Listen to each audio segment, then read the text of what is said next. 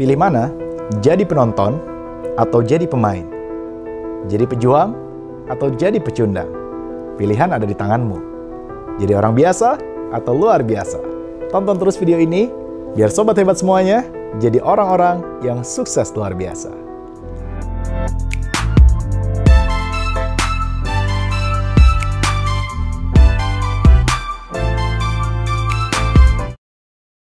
Halo Sobat Hebat semuanya. Assalamualaikum warahmatullahi wabarakatuh. Salam sukses, bahagia, balik lagi bareng saya Edvan M. Kautsar di sebuah channel yang tentunya akan selalu memberimu inspirasi, motivasi, dan juga hal-hal yang berbau semangat kehidupan ya. Biar kamu semuanya tetap semangat meraih impian dan tambah sukses serta tambah hebat. Oke, pada kesempatan video kali ini saya akan berbagi buat sobat hebat semuanya tentang bagaimana kita memilih hidup kita menjadi pejuang atau menjadi pecundang menjadi orang biasa atau jadi orang luar biasa, menjadi penonton atau menjadi pemain. Nah, tentu kalau kita uh, berbicara pilih jadi penonton atau jadi pemain, tentu kita bisa membedakan apa sih bedanya penonton sama pemain, ya nggak?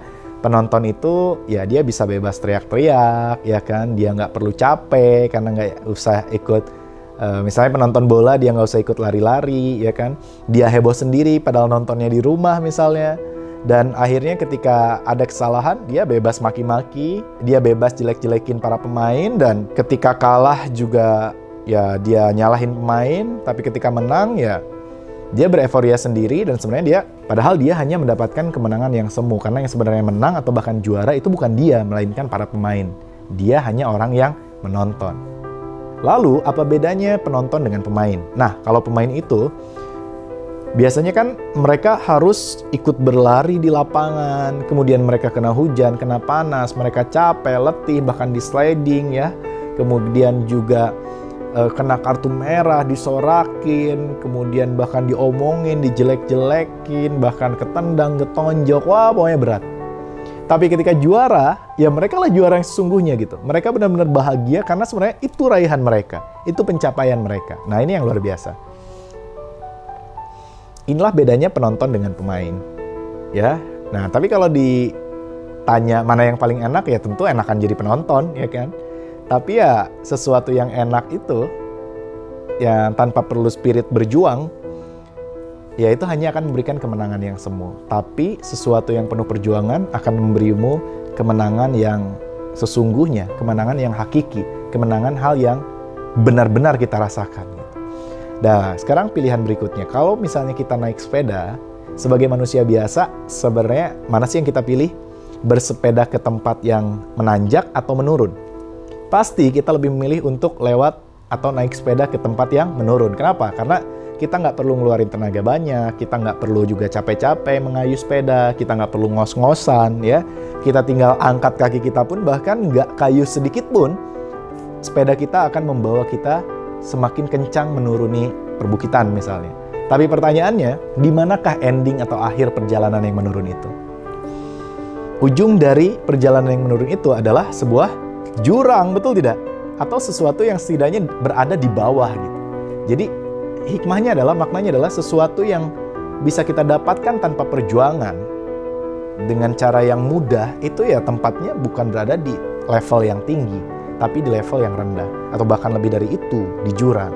Nah, tapi kalau kita berjuang ke atas, kita ngos-ngosan, kita capek, kita lelah dan kita terus memperjuangkannya. Maka apa yang terjadi? Di mana ujungnya? Puncak. Ya, puncak eh, sebuah tanjakan itu ujungnya adalah puncak.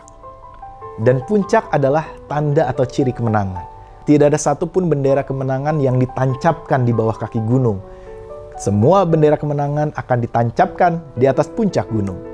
Kali lagi, bendera kemenangan akan dikibarkan dan ditancapkan di puncak gunung. Bahkan kalau kita naik gunung pun, kita selfie-nya di mana sih? Di pemandangan yang indah. Pertanyaan saya, pemandangan yang indah itu di mana? Di kaki gunung atau di puncak gunung? Tentu di puncak gunung lebih indah. Betul tidak? Ya, dan pastinya selfie pun pasti lebih bangga kalau kita berada di puncak. Oh, kita udah menaklukkan puncak gunungnya. So, seperti itulah kehidupan jalan yang penuh dengan perjuangan ujung-ujungnya adalah puncak dan puncak itu adalah perlambang kesuksesan. Bahkan saya meyakini tempat para pejuang itu adalah di surga. Dan surga adalah tempat bagi para pejuang. Maksudnya gimana? Surga itu berbeda dengan neraka. Urutan neraka dari neraka level 1 sampai level 7, level 7-nya itu berada di tempat yang paling rendah, betul tidak? Tapi surga itu levelnya tertingginya itu semakin tinggi. Firdaus, surga Firdaus itu adalah surga tertinggi. Artinya apa? Surga tertinggi itu hanya diraih oleh mereka yang berjuang dan memperjuangkan. Jadi jalan yang leha-leha, mager, malas gerak, ya, santuy, tiduran di rumah, itu bukan jalan para penghuni surga. Itu bukan jalan perjuangan. Nah sekarang gini aja deh bayangin, ada dua buah truk menuju ke arah tujuan yang sama. Truk yang pertama bawa muatan dia satu ton. Truk yang kedua, misalnya ya, dia nggak bawa muatan sama sekali. Artinya nol, nol kilogram ya. Tapi yang ini misalnya ya tadi satu ton. Dia menuju ke arah yang sama. Pertanyaan saya adalah, mana kira-kira yang bisa paling lincah dan paling ngebut nyetirnya? Truk yang nggak bawa apa-apa, benar? Ya, dia ringan, melesat, bahkan bisa jadi sampai lebih awal ke tujuan.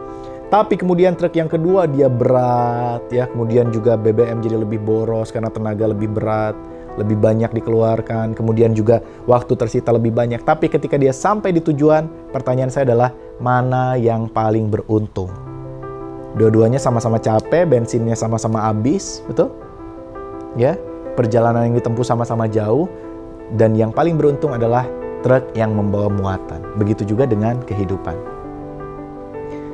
Hidup yang dengan perjuangan berat karena bawa beban ya ujian hidup kita kemudian berjuang berjuang menyekolahkan adik kita berjuang membahagiakan orang tua berjuang mensejahterakan keluarga maka itulah orang yang paling beruntung coba orang berjuang orang nggak berjuang ujung-ujungnya mati orang ibadah nggak ibadah itu kan berjuang mati juga. Maka yang yang untung siapa? Yang untung adalah yang membawa bekal paling banyak di akhir perjalanan kita di saat kita meninggal dunia, berjumpa sama Allah Subhanahu wa taala. Betul tidak? Yes, Masya Allah.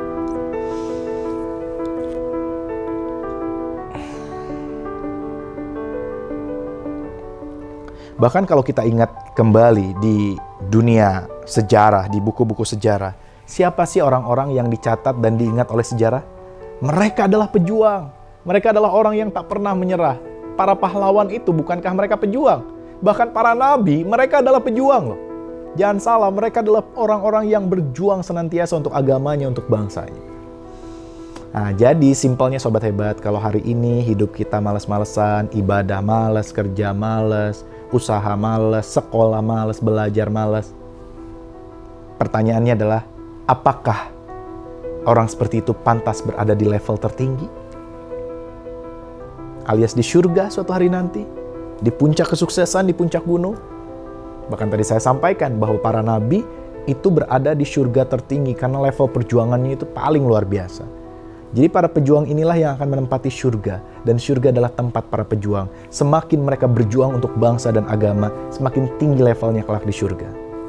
Maka hidup ini adalah seperti sebuah truk yang berjalan dan kemudian kehabisan bensin di tempat tujuan truk tersebut sampai. Kita pun sama akan habis umur kita, dan mana yang lebih beruntung? Yang lebih beruntung adalah mereka yang memilih jalan perjuangan. Kenapa? Karena ujung dari kehidupan adalah kematian. Hidup ujungnya adalah mati. Berjuang, mati. Nggak berjuang, mati. Pilih mana coba? Pilih jalan perjuangan atau jalan biasa-biasa aja? Hampir semua orang meninggal berdoa meminta kepada Allah untuk bisa dikembalikan ke dunia. Mereka berkata, "Kembalikan aku ke dunia ya Allah, agar aku bisa melakukan sesuatu yang baik di dalam hidup. Akan kuperbaiki hidupku." Tapi sudah terlambat dan mereka tak lagi bisa melakukannya. Maka hidup adalah suatu kesempatan singkat untuk kita bisa mengumpulkan sebanyak-banyaknya kebaikan untuk tabungan yang kelak akan kita buka di akhirat. Penuhi hidup kita dengan kebermanfaatan, dengan kebaikan, dengan hal-hal yang akan menjadikan diri kita penuh dengan muatan manfaat dan kelak ketika sampai kita di tujuan kita kita akan memiliki tabungan kebaikan di hadapan Allah amin ya rabbal alamin So mulai sekarang perhatikan dirimu sendiri Sudah berapa banyak bekal yang kau siapkan untuk berjumpa dengan Tuhanmu Sudahkah selama hidupmu ini engkau memilih jalan para pejuang? Atau jalan yang biasa-biasa saja? Jalan yang mulus, yang menurun, dan semakin cepat tanpa perjuangan, bisa jadi akhirnya adalah sebuah jurang, jurang kegagalan. Pilihan ada di tanganmu. Sekali lagi, pilih mana? Menjadi orang luar biasa atau menjadi manusia yang biasa-biasa saja. Karena hidup terlalu singkat untuk menjadi orang biasa, maka jadilah orang-orang yang luar biasa. Bahkan saat muda, saya mengatakan, akan kubiarkan tubuhku berlelah-lelah di dunia. Karena kelak istirahatku adalah bersama dia, bermanja-manja bersama Allah Al-Latif yang maha lembut. Oke sobat hebat, ya semoga inspirasi sharing ini bisa bermanfaat buat sobat hebat semuanya dan jika dirasa video ini bermanfaat olehmu jangan lupa klik tombol share dan pastikan orang-orang mendapatkan insight yang luar biasa dari video ini.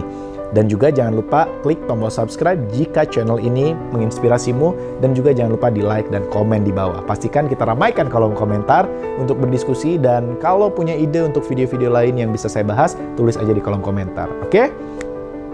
Dan seperti biasa saya ingin doakan kamu semuanya, sobat hebat semuanya bisa menjadi para pejuang yang berhasil sukses meraih puncak kesuksesan dan bermanfaat untuk sesama. Semoga bermanfaat. Saya Edvan M. Kautsar, undur diri sampai jumpa di video lainnya.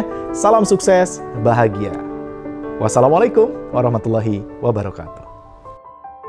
Masa depan kita ditentukan oleh buku apa yang kita baca dan dengan siapa kita bergaul. Milikilah buku-buku motivasi karya Edvan M. Kautsar sekarang juga